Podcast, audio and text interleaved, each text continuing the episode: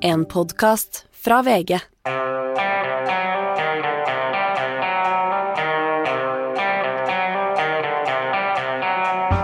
Kan Hadia Tajik fortsette som eh, nestleder? Trump beskyldes for å ha ledet en kriminell sammensvergelse. Og forsvarsviljen øker i Norge etter Russlands angrep på Ukraina. Vil det få konsekvenser for budsjettet også? Dette er Gjever og gjengen. Det er torsdag den 3. mars. Ja, uh, Hanne Skartveit, politisk redaktør i VG. Du var til stede på pressekonferansen til uh, Hadia Tajik i går. Hun er en politiker du har hatt uh, og uttrykt ganske stor tro på. Eh, hva tenker du om det nå? Ja, hun er jo har jo vært, er jo en veldig dyktig politiker. Hun er en av de som er kanskje best av dagens nåværende toppolitikere i Arbeiderpartiet i debatter med alle andre politikere. Hun kan møte hvem som helst, Erna Solberg, Sylvi Listhaug, hvem som helst, og være veldig god. Du har nevnt henne i samme åndedrag som Gro Harlem Brundtland? Ja, jeg, jeg, har tenkt at hun kunne være en eh, blivende statsminister i Norge. Eh, men jeg syns jo det som vi har sett de siste ukene, og inkludert pressekonferansen i går, eh, svekker det inntrykket veldig. For å ta det siste først, hva var galt med pressekonferansen? Det var total mangel på ydmykhet. Det var Hun har syns jeg, veldig liten forståelse for alvoret i det saken hun står oppe i. Hun mener at hun har gjort alt riktig i utgangspunktet, med unntak at hun burde rapportert til sin arbeidsgiver, statsministerens kontor, den gangen eh, hun var politisk rådgiver, at hun ikke benyttet den leiekontrakten hun har sendt. Men det er, mener jeg, å, å redusere alvoret i den saken ganske kraftig. Men er det ikke, altså, kan du ta det mer alvorlig enn å gå av, da? Nei, men det er jo også noe med hvordan du framstår, for jeg tror eh, alle ser at man kan gjøre feil. Eh, og det jeg tror er vanlig å se etter i en sånn sammenheng, er jo på en måte om det er en oppriktig anger og en oppriktig beklagelse. Hun har jo slept bena etter seg hele tiden. VG tok jo kontakt med henne tidlig i januar, første gang, og hun ventet og ventet og ventet i mange uker med å gi ordentlig svar. Hun har håndtert denne saken fra begynnelse til slutt veldig, veldig dårlig. Men hun har også tatt konsekvensene og gått av som statsråd. Eh, og det er jo Hvor mye liksom ydmykelser kan vi forlange på toppen av, en, av, et sånt fall? Ja, Men hun hadde jo ikke noe valg, Anders. Det er klart når de tre LO-toppene gikk ut eh, denne uken var, ja, Vi snakket jo om det her. Ja, ikke sant. Det er, det er ikke mulig å ikke ta noen konsekvenser av et sånt utspill. Samtidig så signaliserer jo hun jo en ganske, jeg vil si stor stamina og ganske tøffhet ved å stå der. Og jeg har sett uh, voksne menn, for å si det sånn, uh, grine over mindre. Uh, og, og, jeg blir litt imponert over hvordan hun står i stormen der også. Ja, absolutt. Og det er som Tone Sofie Aglen, vår kollega, skriver, at nå kjemper hun for sitt politiske liv som Aps nestleder. Og hun ser at hun må være offensiv og på hugget for å klare å bevare den posisjonen, som kan være en vei tilbake til regjering og til mer ansvarlige posisjoner. Sånn at Ja, for jeg snakket med Tone Sofie i går, og, hun trakk fram, og det er jo et godt og nærliggende eksempel, Sylvi Listhaug måtte gå på en temmelig ydmykende måte som justisminister. Var tilbake etter ikke veldig lang tid i regjering, og så også som leder for Fremskrittspartiet. Nå vil jeg jo si at det er en forskjell faktisk og hun, på Det var ikke sånn at eh, Sylvi Listhaug la seg veldig, veldig, veldig flat? Nei, men nå vil jeg si at det er en stor forskjell på Arbeiderpartiet og Fremskrittspartiet, og det er også en stor forskjell på Sylvi Listhaug og eh, Hadia Tajik. Husk at den som er leder i Arbeiderpartiet, må til enhver tid kunne regne med at den blir statsminister. Eh, som nestleder i Arbeiderpartiet så må du til enhver tid kunne steppe opp som leder dersom du skulle tiltre eh, dersom noe skulle skje med partilederen. Og også da, når de har regjering, som statsminister. Og da er jo spørsmålet om Hadia Tajik kan sitte i den posisjonen som nestleder, eh, når det betyr at hun kan rykke opp i en mye mer ansvarlig posisjon enn hun faktisk trakk seg fra i går. Ja, Men det er jo ikke en automatikk i at nestlederen blir statsminister hvis statsministeren må gå? Nei da, men man bør kunne være skodd til det. Men hva tror du om hennes sjanser til å fortsette som nestleder? For det er jo ikke noe altså det er jo partiet som avgjør. Og hun er, har vært populær i partiet. Ja, det er et veldig godt spørsmål. Jeg tror vi får svar i løpet av de neste dagene og kanskje ukene. For eh, jeg tror mange eh, syns det er uforståelig at du, hvis du ikke kan være statsråd, at du da fortsatt kan være nestleder i Arbeiderpartiet. Partiet for, som de sier, for vanlige folk. Og når dette handler om uh, skatt som ikke er betalt inn i tide, som handler om på en måte kontroll, feil dokumentasjon. Hun satt og styrte Nav. Eh, det at du ikke har tillit som statsråd, eller mener du ikke selv kan sitte, at du da kan være nestleder i Arbeiderpartiet, det tror jeg mange syns er vanskelig å forstå. Syns du det er trist? Ja, det er jo et stort politisk talent, ikke bare talent. Hun har vist seg som en veldig god uh, politiker i, gjennom mange år. Det er klart at det å, å se en karriere gå litt i knestående, sånn som vi så i går, det er, jo, det er jo aldri noe hyggelig. Jeg tenker også at alvoret understrekes av at hun, LO har vært veldig fornøyd med henne.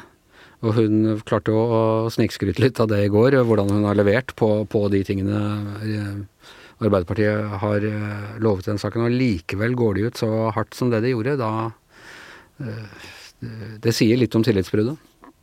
Ja, absolutt. Og det er klart Hun har jo hatt et anstrengt forhold til LO lenge, så at han fikk denne posten som arbeidsminister, så har han jobbet veldig hardt for å, for å innfri og for å på en måte komme på en bedre fot med LO. Og det så ut til å gå ganske bra ganske lenge, fram til dette. Ok, du må snakke om en annen som eh, Nei, det er, det ikke noen sammenligning her i det hele tatt. En annen vi har snakket mye om tidligere. Eh, Donald Trump, eh, vår gamle fiende. Uh, eneste som er felles, er jo angrepet på pressen da, Anders. Det eneste, ja, og jeg vil, jeg vil si at der er Hadia en en amatør. Ja da, det er jeg enig i. Eh, sammenlignet. Altså, eh, Donald Trump det er en eh, komité eh, i Kongressen som etterforsker eh, hva som skjedde den 6. januar i fjor, da en eh, antidemokratisk mobb stormet Kongressen for å prøve å hindre at Biden ble lovlig innvalgt som president. Og øh, det, denne komiteen består nesten bare av demokrater. Det er bare to øh, republikanere med. Ja, Dick Cheney, nei, unnskyld. Datteren til Dick Cheney, Liz Cheney, og Adam Kinsinger, som jo tidlig markerte avstand og var blant de få som stemte for å godkjenne valget og for eh, riksrettssak og og de er omtrent spedalske innad i det republikanske partiet. Ja. Beskyldes for å være rinos, som betyr republican in name only. Ennå jeg vil jo si, de er jo helt tradisjonelle, svært konservative eh, republikanere av typen jeg aldri har vært spesielt eh, svak for. Ja, de er, de er liksom gamle skolerepublikanere, slik vi alltid har kjent dem. Ja. Masse forsvar og, og kutte kutte skatter og Liten stat og Liten stat og ikke noe sosialhjelp og, og, og sånne ting. Men i hvert fall, eh, denne, denne, dette panelet, de, har, de uh, vil ha innsyn i kommunikasjonen mellom Trump og hans nærmeste rundt 6. januar, og gått til en domstol og bedt om det, og i den så så hevder de at han var del av en kriminell sammensvergelse, eller det som vi mer populært kaller det nå, en kriminell konspirasjon. Er dette en konspirasjonsteori fra Trumps fiender? De har jo hatt avhør og fått veldig mye fakta, så jeg vil si at det er en faktadrevet uh, konklusjon. En konspirasjonspåstand? må man kunne si der. Ja, men det er jo Jeg syns jo de argumenterer veldig godt for det. og De sier bl.a. at Trump allerede lenge før han begynte å snakke om svindel, eh, visste at han kom til å tape valget. At dette er noe han har visst hele tiden. Så han har bevisst løyet om det han kaller et stjålet valg. Og denne komiteen skal ikke legge fram sin rapport før ut på vår eller sommeren, tror jeg. Eh, kommer det til å bety noe som helst? Sånn som vi ser amerikansk politikk nå, Anders, hvor det er eh, de som jo elsker Trump, stoler på Trump. Det er jo ingen fakta som går inn hos dem, og de er jo veldig, veldig mange. Han har jo et stort flertall bak seg i Det republikanske parti, både blant partiets eh, politikere i Kongressen og andre steder, og blant velgerne. Så det er jeg litt usikker på. Hva tror du? Jeg tror kanskje at andre ting, ikke akkurat dette, etter hvert vil begynne å tære på Trump. At han, han har vært ute av eh, kontorene lenge.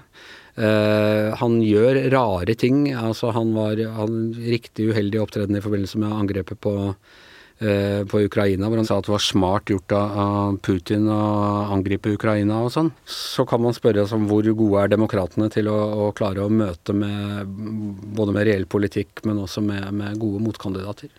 Ja, det er klart, eh, Biden har jo også en veldig lav approval rating, altså oppslutning blant velgerne nå. Eh, han har jo ikke klart å innfri forventningene. Sånn at om hvordan de klarer å og, og, gjøre nytte av dette til å styrke seg sjøl, det er også et veldig godt spørsmål. Hvis du ser på amerikansk politikk nå, så er det jo ikke oppmuntrende noen vei, egentlig. Nei.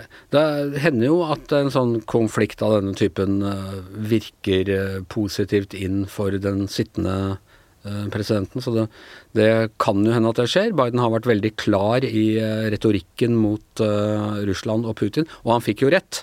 Eh, ikke minst. Han jo, gikk jo veldig høyt på banen og sa at det kom til å bli et angrep, og datofesta det og i det hele tatt. Og det skapte ganske stor fallhøyde for seg selv, men så, så skjedde altså dette. Ja, for amerikanerne valgte jo en litt annen linje hvor de la ut veldig mye etterretning, hvor de var veldig åpne, og hvor Biden også har vært veldig flink til å binde vestlige, eh, vestlige side sammen.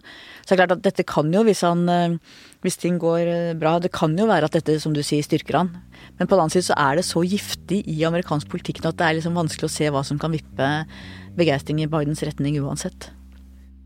Og da skal vi selvfølgelig prate mer om eh, krigen igjen. Velkommen til dagens gjest, Magnus Håkenstad.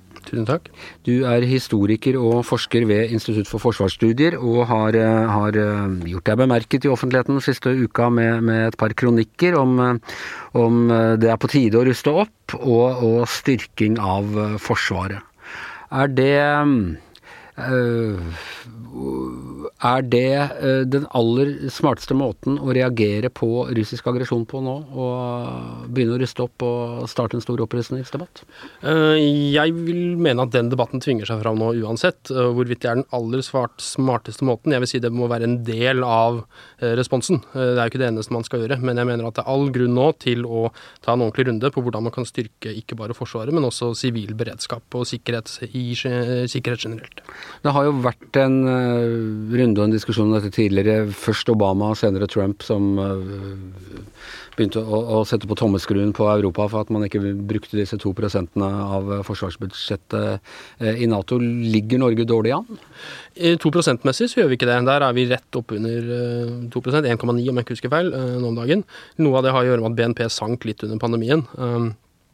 Men BNP er jo nå én ting, men når man ser på eh, det faktiske innholdet i det norske forsvaret, eh, som jo på mange måter er et sterkt og godt og moderne forsvar, men hvor det finnes en del felter hvor jeg mener at det er mulig å gjøre ganske store utbedringer eh, ganske raskt ved å tilsette penger. Og hvilke, hvilke, felter er det? Nei, altså, Det er ganske my mye å ta tak i, og man hører mye rykter. Og jeg har jo ikke den fulle oversikten, eh, selvfølgelig. Og hadde jeg hatt, uh, hatt, det, så hadde jeg ikke sagt det her.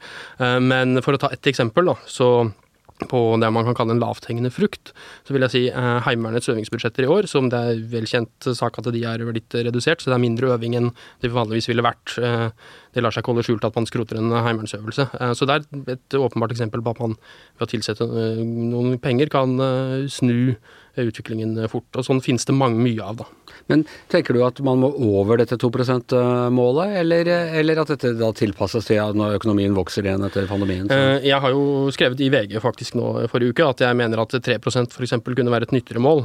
Det er jo i stor grad tenk på tall fra min side, men det var nå der det lå under den kalde krigen. Ofte høyere enn det også under, den, kalde krigen. Så, så gitt forholdene nå, så tror jeg nok ikke vi bør tenke at 2% er tilstrekkelig.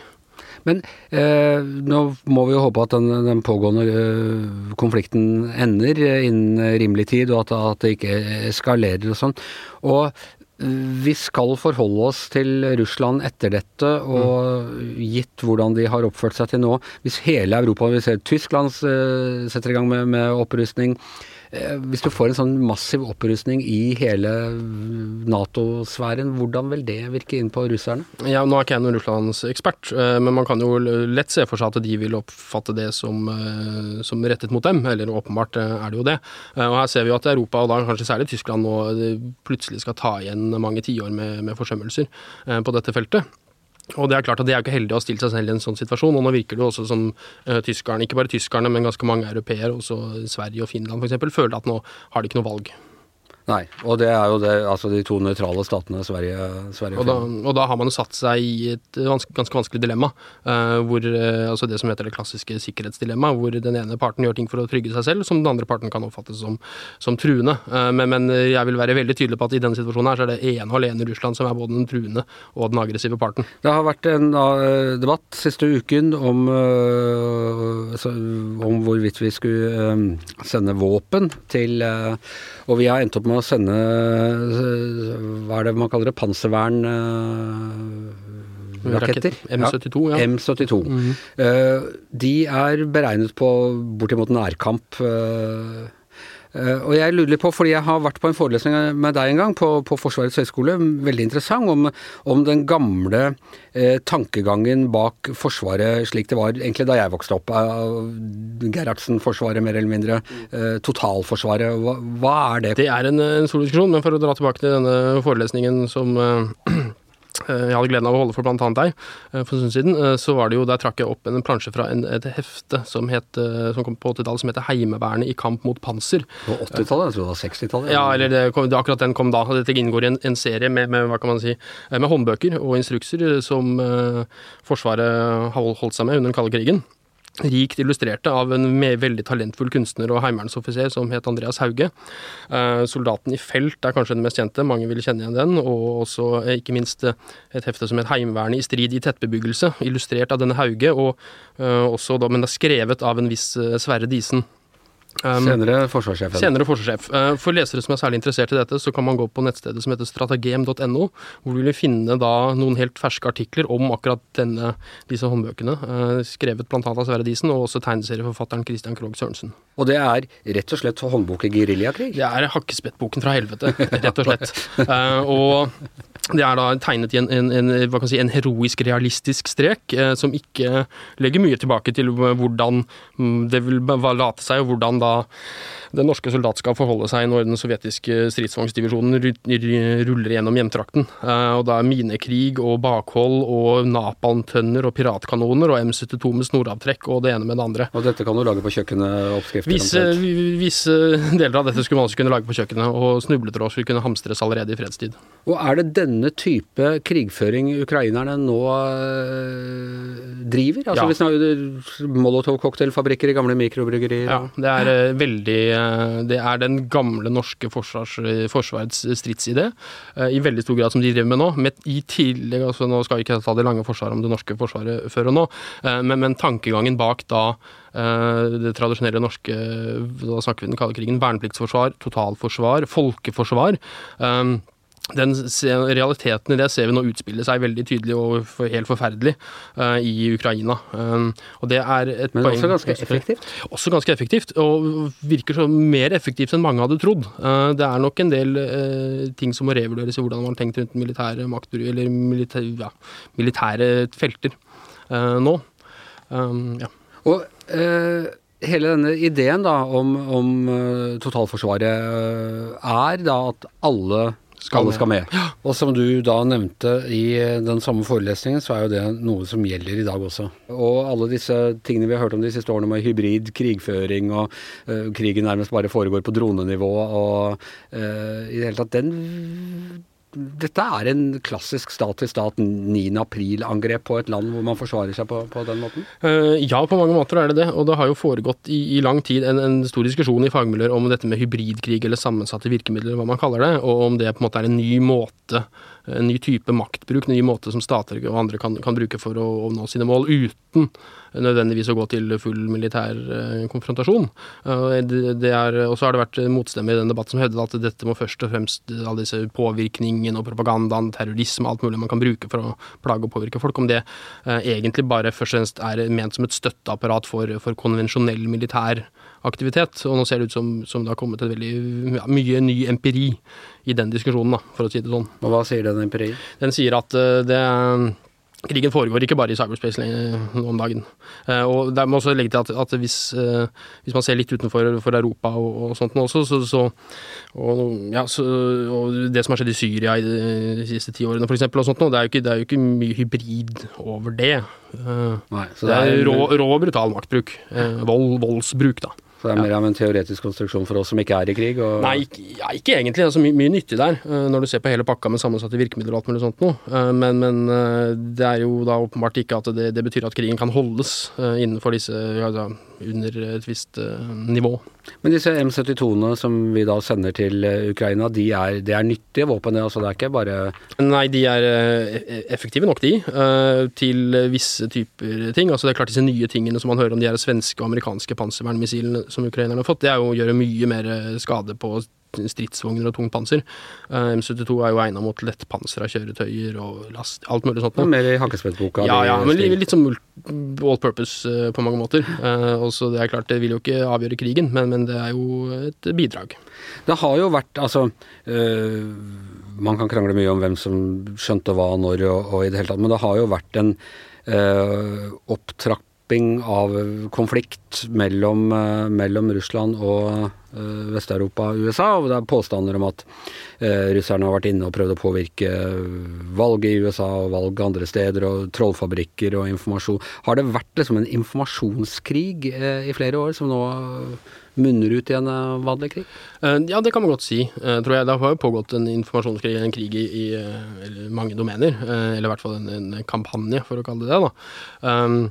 Men det man nå ser, eh, som jo er veldig interessant, eh, og for så vidt også litt oppløftende, er jo at den eh, den voldsomme russiske og voldsomt mangefasetterte russiske måten å prøve å påvirke vestlige samfunn på på veldig mange måter, eh, har jo nå mislyktes fullstendig i å fremme eh, Russlands, eller den skal være litt tydelig, russiske myndigheters eh, mål, eh, strategisk og politisk her. De har jo foregna seg, og det virker ganske sannsynlig at de har foregna seg grovt når det gjelder hvordan dette blir mottatt.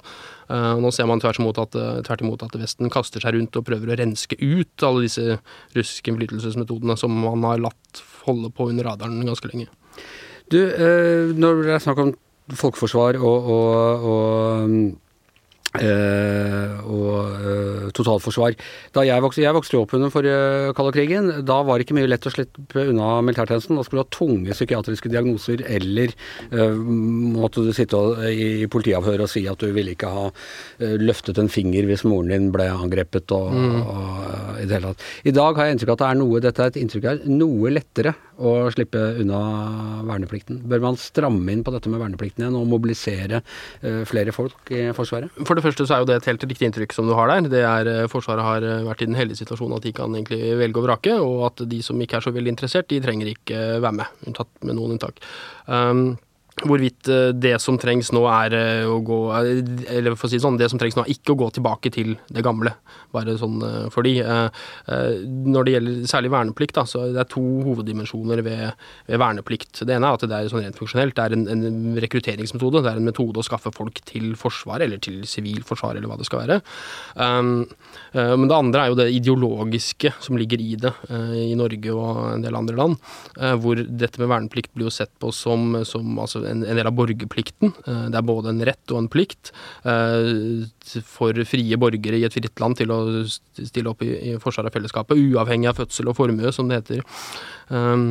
Det er det ene. Det knyttes veldig sterkt til da, sånne viktige demokratiske idealer. Og det har jo tradisjonelt også blitt sett på som en viktig forsikring mot militarisme, mot uh, aggressive tendenser, mot yrkeshærer og alt som er uh, skummelt og farlig på den måten.